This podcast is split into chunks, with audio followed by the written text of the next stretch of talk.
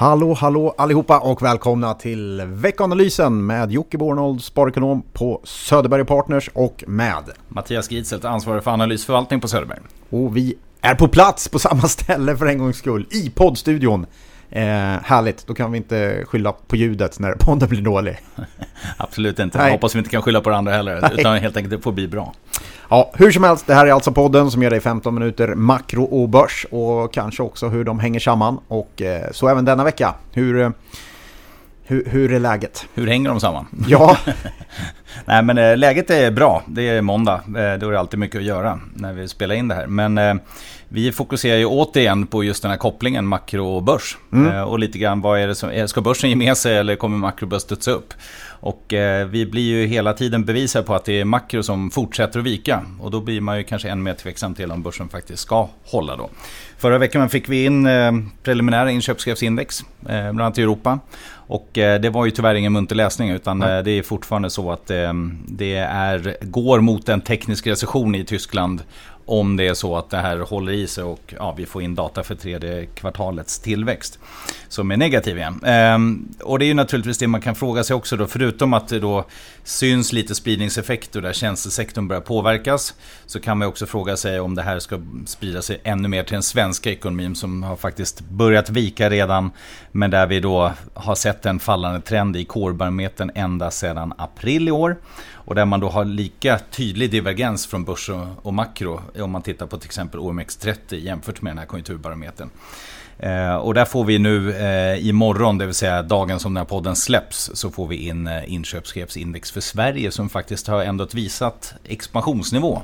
Eh, och det gör det ju inte i Europa, utan eh, vi har ju haft en liten skillnad där, men eh, jag har svårt att se att vi skulle avvika från, från ja. samma scenario det viker ju av lite runt omkring Tyskland nu. Sannolikt kanske Sverige är på väg in med tydligt dämpar. Frankrike är också ett land som stack ut lite och var lite starkare och visade på ganska bra både industri, mm. framförallt kanske också servicesektor. Men även där kom det lite svagare signaler. Det är... Ja ganska deppigt. Ja, alltså man, man får ju leta efter ljuspunkter. Så ja. Eh, och de är inte lätta, men vi fick också en kinesisk inköpschefsindex i natt faktiskt. Mm. Eh, och de faktiskt, båda de mätningarna, både den officiella och den eh, inofficiella säger vi, marketmätningen då. Båda de var faktiskt marginellt bättre än väntat. Så det. Det, är väl positivt. Men de är kring 50-strecket. I Europa är man nu under 50 tydligt för industrin. I Tyskland är man ju liksom närmare 40. Eh, och det är nivåer där det är liksom, ja, men man behöver vara lite orolig fortsatt för industri, inte bara industri utan numera även kanske andra delar. Och det ser ut att faktiskt vika allt vi, vi får in. Eh, utan det man fokuserar på i, på börsen, varför det håller upp ändå, är ju naturligtvis ränteläget. För så fort makro är dåligt så kan man ju tolka det positivt, att vi får mer stimulanser. Och då, då, ska, då ska börsen upp. Och det andra är naturligtvis att man tycker att det finns framgångar i handelssamtalen då. Det har vi också pratat om tidigare. Jag tycker ju lite grann att ja, eh, hans samtalen kommer ju fortgå här nu under oktober. Eh, och eh, det finns väl en möjlighet att inför amerikanska presidentvalet att man liksom får till någon slags deal, åtminstone kortsiktigt. Men vi ska ju komma ihåg att det, är liksom, det finns ingen riktig tillbakagång till business as usual om vi tar det ur ett decennieperspektiv. Vi kommer inte tillbaka till den här trenden där globaliseringen bara ökar. Utan handeln viker just nu och det är mer protektionism, det är mer populism. Och det gör att vi, vi tror i alla fall att det här är något vi kommer få leva med under lite längre tid. Just det. Aktiemarknaden verkar ändå rätt pigg ändå. Ska man, eh, vem, vem har rätt? Tror du eh, aktiemarknaden på en snabb vändning eller låga ränteläget? Eller vad är det som gör att det håller emot tror du? Alltså som vi ser det så är det ändå så att eh, värdering är inget hinder på något sätt. Eh, där har du ju rimliga värderingar, inte på något sätt en bubbla som vi hade 9900. Men eh, naturligtvis, det bygger ju på att vinsterna växer ja. ganska ordentligt. Och givet i makroläget tycker jag det ser eh, egentligen orimligt ut. Däremot så, ehm, så finns det ju naturligtvis alltid den här, vad ska man kalla det, risken för momentum. Eh, att det ändå håller i eh, ganska ordentligt här under, eh, under resten av året. Eh, kanske en, en viss svacka här nu i oktober, det brukar inte vara ovanligt. Och sen så avslutar det starkt. Eh, det är ju ett bra börsår och bra börs, börsår brukar avslutas ganska väl. Men sen tycker jag när man blickar in i nästa år så finns ju fortfarande den här recessionsrisken. Inte minst i Europa men även i USA så börjar det ju vika och tillväxtprognoser ska ju snarare ner. Just det. Fortsatt rätt bra ändå med sig. Ja, värderingen, man kanske tycker börsen har gått bra i år, så här, mm. men den är inte överdrivet hög. Ehm, Nej. det, det, det finns ändå lite krockkudde där. Det är en viss premie globalt mot det historiska tioårssnittet. Men det är ingenting som jag tycker med dagens ränteläge går att liksom säga att det kan man inte förklara. Utan jag tycker det är ganska rimligt. Ja, och ränteläget det ser ut att vara lågt ett tag framöver. Eh, och därför blir negativa mm. makronyheter ibland positiva för börsen, eller? Det är exakt Det är en paradox så, som är rätt svår att förstå. Det är ju så man ser det nu. Eh, ja. På sikt så får vi väl se om det håller. Men ja. men ja, det är ju alla de här indikatorerna vi pratar om ofta så är det ju så att de pratar man om för att det var på ett visst sätt innan finanskrisen, innan teknologibubblan, innan Asienkrisen och så vidare. Allt det bygger på historiskt och skillnaden nu är ju att vi har låga räntor så det går alltid att förklara med det argumentet. Eh, däremot så är det ju naturligtvis så om det kommer oväntade inflationshändelser liknande och räntan går upp så blir ju så att säga, effekten sämre. Eh, för att nu har vi en, en högre skuldsättning än vad vi hade då. Eh, skulle då finansieringskostnaden för bolag, för hushåll och så vidare stiga så blir det ju, så blir det ju ännu värre. Just det. Kollar man lite på tillväxten i den globala ekonomin. Den växlar ner till cirka 3% i år. Nästa år också kanske.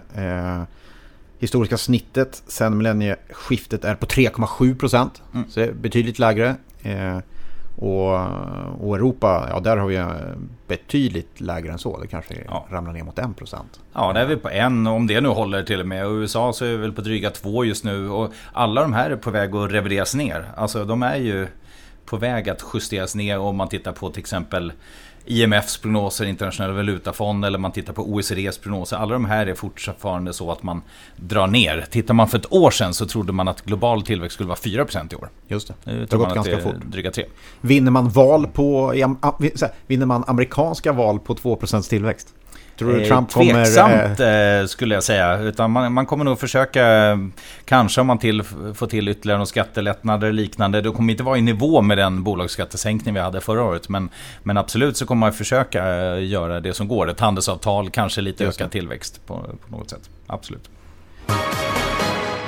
Jajamän. Eh, om vi kollar lite vad som hände förra veckan då. Vi brukar göra det. Mm. Eh, konsumentförtroendet eh, från USA kom in. Och det visar på ett ganska, ganska kraftigt fall va? Eh, absolut, det är en volatil siffra så den, ibland faller den lite så här. Men eh, det var, ja, det var ett tydligt fall och framförallt om man tittar på, det är ju en massa olika delkomponenter i det här så är det ju Eh, den här utdragna handelskonflikten och det, den har ju dragit ner förväntningar om framtiden. Eh, och eh, just den delkomponenten hamnar ändå på lägsta nivå sedan december 2018. Eh, inte jättelång tid naturligtvis, men konsumentförtroendet är så pass viktigt för konsumtionen i USA och därmed tillväxten. Så att jag tycker nog ändå att det är en viss varningsflagg att det viker.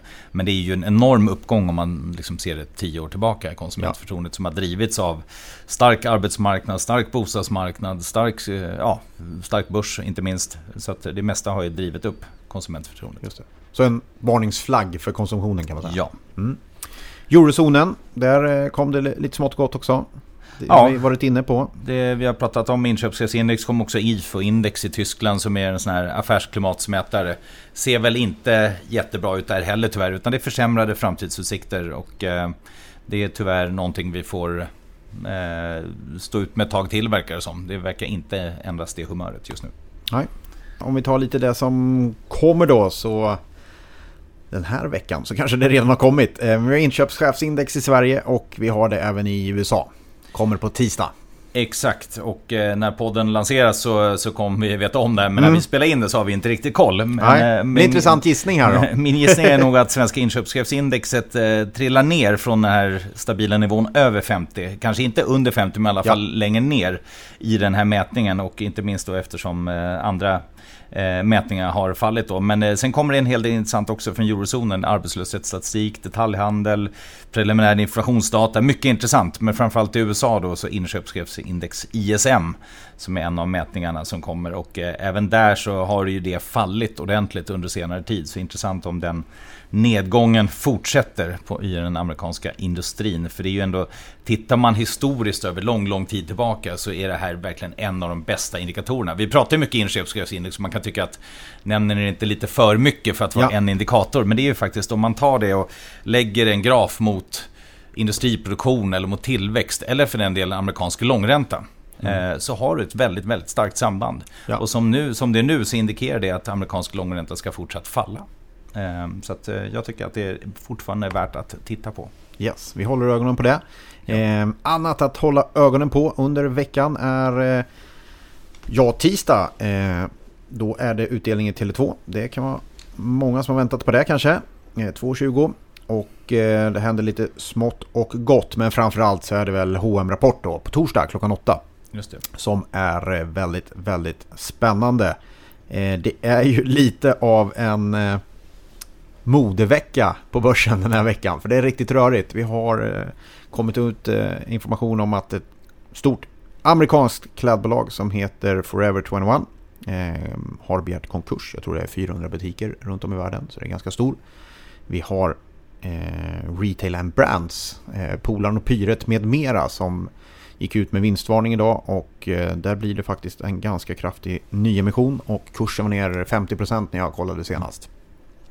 Så en ganska brutal eh, start på den här veckan eh, för moderbolagen. Vi har också Kappahls bud som är förlängt där man faktiskt inte fick in 90% utan bara 88% och det är också svajigt då vad som händer där. Det lär vi få svar på under veckan. Och sen kommer faktiskt MQ, kan ju vara en rysare också då. Eh, på fredag. Så det är mycket moderbolag eh, den här veckan på börsen och eh, framförallt är det väl H&M då. Håller de i, vi vet försäljning. Det handlar mycket om håller de i marginalerna. Ja, exakt. Och det är ju ändå så här, om man tittar de senaste åren, de kommer ju från en nivå där man hade en rörelsemarginal över 20%. Mm. Riktigt höglönsamt. Ja. Och nu pratar vi om att målet nästa år ökar på till 7,3-7,4%. Ja. Året därefter och kanske någon tiondel till. Det handlar ju mer om en stabilisering och inte ett ordentligt fall. Eh, och då behöver vi se förbättringar i varulager. Vi behöver se lite Eh, några saker som gör att det faktiskt är förbättringar, bruttomarginal som håller upp och så vidare. Så att eh, där har du, jag tänkte på om, om det ena faller 50% så har du H&M som har stigit 50% mm. i år. Där, där finns det ju faktiskt förväntningar. Det gör det, eh, helt klart. Att, eh. men det var en bra, en bra försäljningssiffra som kom mm. in. Den är ändå, var väl högsta nivån faktiskt sedan 2016 tror jag. Det känns som att det ändå har vänt lite grann för H&M och vi får se då om, mm.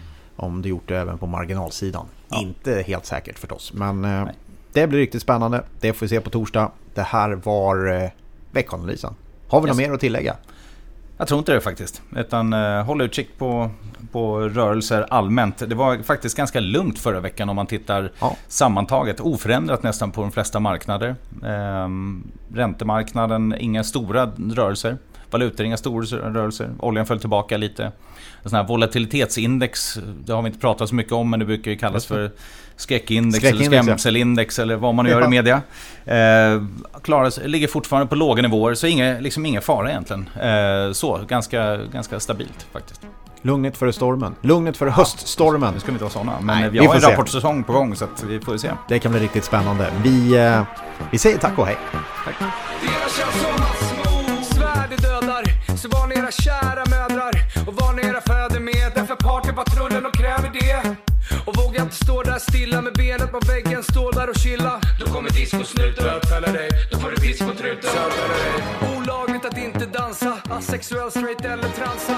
Och vi ska upp bland molnen, varannan dag med Nasse och skål sen. Vi ska twista till svetten, lackar till polisen, juristen och rätten backar. Skiter i tiden och vad klockan slår när vi revar hela dygnet så långt vi förmår.